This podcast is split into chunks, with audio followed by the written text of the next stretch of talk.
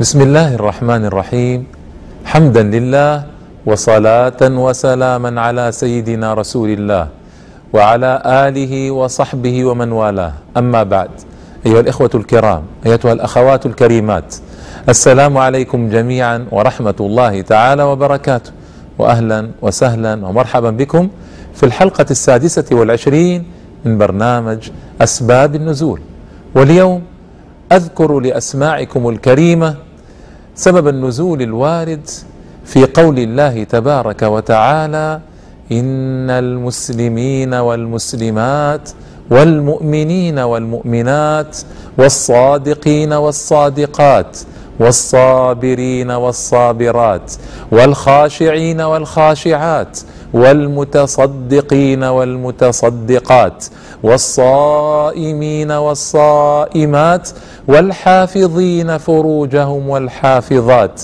والذاكرين الله كثيرا والذاكرات أعد الله لهم مغفرة وأجرا عظيما وذلك أن أم سلمة رضي الله تعالى عنها سألت الرسول صلى الله تعالى عليه وسلم عن النساء ما بالهن لا يذكرن مع الرجال أي في سياق الفضائل. فأنزل الله تبارك وتعالى هذه الآية ليبين للناس أجمعين أن النساء شقائق الرجال لهن مثل الذي عليهن من الحقوق والواجبات. وأيضا لهن مثل ما للرجال من الأجر الجزيل العظيم في الآخرة. وذلك أنه أيها الإخوة والأخوات قد حاول كثير من الناس أن يطعن في معاملة الإسلام للمرأة. وبين أنها في الإسلام درجة منخفضة عن الرجل وأقل منه.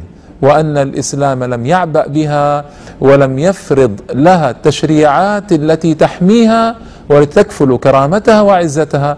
يقولون ذلك زورا وخداعا وبهتانا. وهم يعلمون تماما أن الإسلام هو الذي كرم المرأة على الحقيقة ورفع درجتها منذ أكثر من أربعة عشر قرنا من الزمان. يوم أن كانت المرأة في الدنيا لا تساوي شيئا على الإطلاق وكانت كالسلعة تباع وتشترى ولم يكن لها إيه قيمة على الحقيقة. فجاء الإسلام ورفع قدرها وأعلى شأنها وحفظها وسن لها من التشريعات ما يكفل سعادتها وما يديم أمنها وما يحافظ عليها كل المحافظة. لكن أعداء الإسلام المغرضون لكن أعداء الإسلام المغرضين لا يسرهم ابدا أن يروا في الإسلام جانبا مشرقا وكله إشراق وكله ضياء ويحاولون كل ما في وسعهم أن يلصقوا به التهم والمعايب زورا وبهتانا والإسلام ولله الحمد كامل لا عيب فيه رضيه الله تبارك وتعالى لنا. وحقوق المرأة في الإسلام حقوق ناصعة مشرقة رائعة جليلة. أقر بذلك كل علماء الاجتماع والتشريع. المنصفين الذين هم على الحقيقة درسوا الإسلام دراسة وافية. وفي الإسلام ولله الحمد أن المرأة إذا قدمت جهدها وأعطت وقتها وعملت كل ما في وسعها ابتغاء إرضاء ربها جل جلاله فإن لها منزلة عالية في الآخرة. من عمل صالحا من ذكر أو أنثى وهو مؤمن فلنحيينه حياة طيبة ولنجزينهم أجرهم بأحسن الذي كانوا يعملون. هذه القاعدة الإيمانية الإسلامية الصافية التي لا غبار عليها. لكن هل تستطيع المرأة أن تعمل كل شيء يعمله الرجل من باب الفضائل؟ لا. المرأة لا تستطيع أن تجاهد الجهاد الكامل الذي يجاهده الرجل.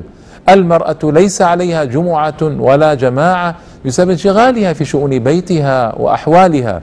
لذلك لما جاءت المرأة تشتكي إلى رسول الله صلى الله تعالى عليه وسلم أن الرجال يجاهدون والنساء لا يجاهدن وأن الرجال يحضرون الجمعة والجماعات والنساء ليس عليهن جمعة ولا جماعات. ظن ومثل هذه الأمور ظنت المرأة أنها هي وبنات جنسها قد تنزل درجتها عن الرجل. فماذا قال لها النبي صلى الله عليه وسلم؟ فقال لها إن حسن تبعلكن لزوجكن يعدل ذلك كله. الله أكبر. فلتسمع النساء جميعا ذلك. أي أن إقامة البيوت إقامة صحيحة على ما يحبه الله ويرضى وإحسان المرأة معاملتها زوجها يعدل الجهاد ويعدل الجمعة والجماعات ويعدل ما يفضل به الرجال على النساء في مثل هذه الأعمال والأحوال. الله أكبر. ما أعظم دين الإسلام وما أجله وما أكرمه حيث أعطى المرأة ذلك الأجر الجزيل الجليل مقابل عملها في بيتها ومقابل إرضائها لزوجها.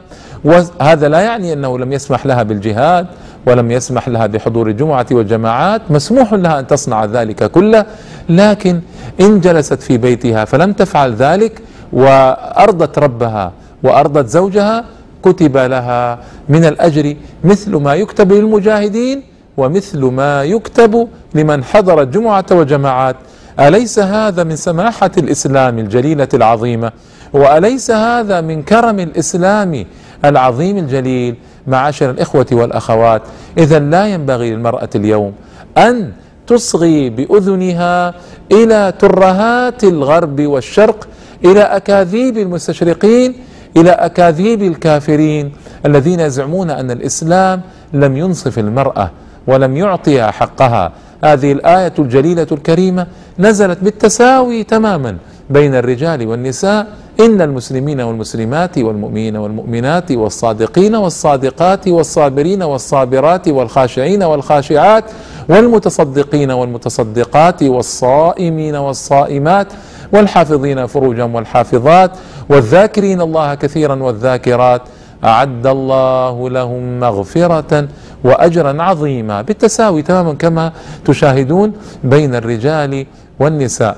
ولقد نبتت نابتة اليوم في المؤتمرات الدولية التي يسمونها مؤتمرات السكان وقامت تسعى بكل جهدها أن تميل المرأة عن إسلامها وأن تترك دينها الحنيف الشريف وأن تتسمع لترهاتهم واكاذيبهم التي لا يريدون منها إلا إفساد المرأة وإخراجها من طهرها وعفافها وشرفها وكرمها لكي تصبح مثل نساء الغرب الكافر. أو نساء الشرق المنحرف الضال الكافر. معاذ الله ما كان المرأة المسلمه أن تصغي إلى أولئك بل تنظر إلى شرعها الكريم ودينها القويم وتتبع ذلك كله راضية ولا تلتفت إلى أكاذيبهم وخداعهم.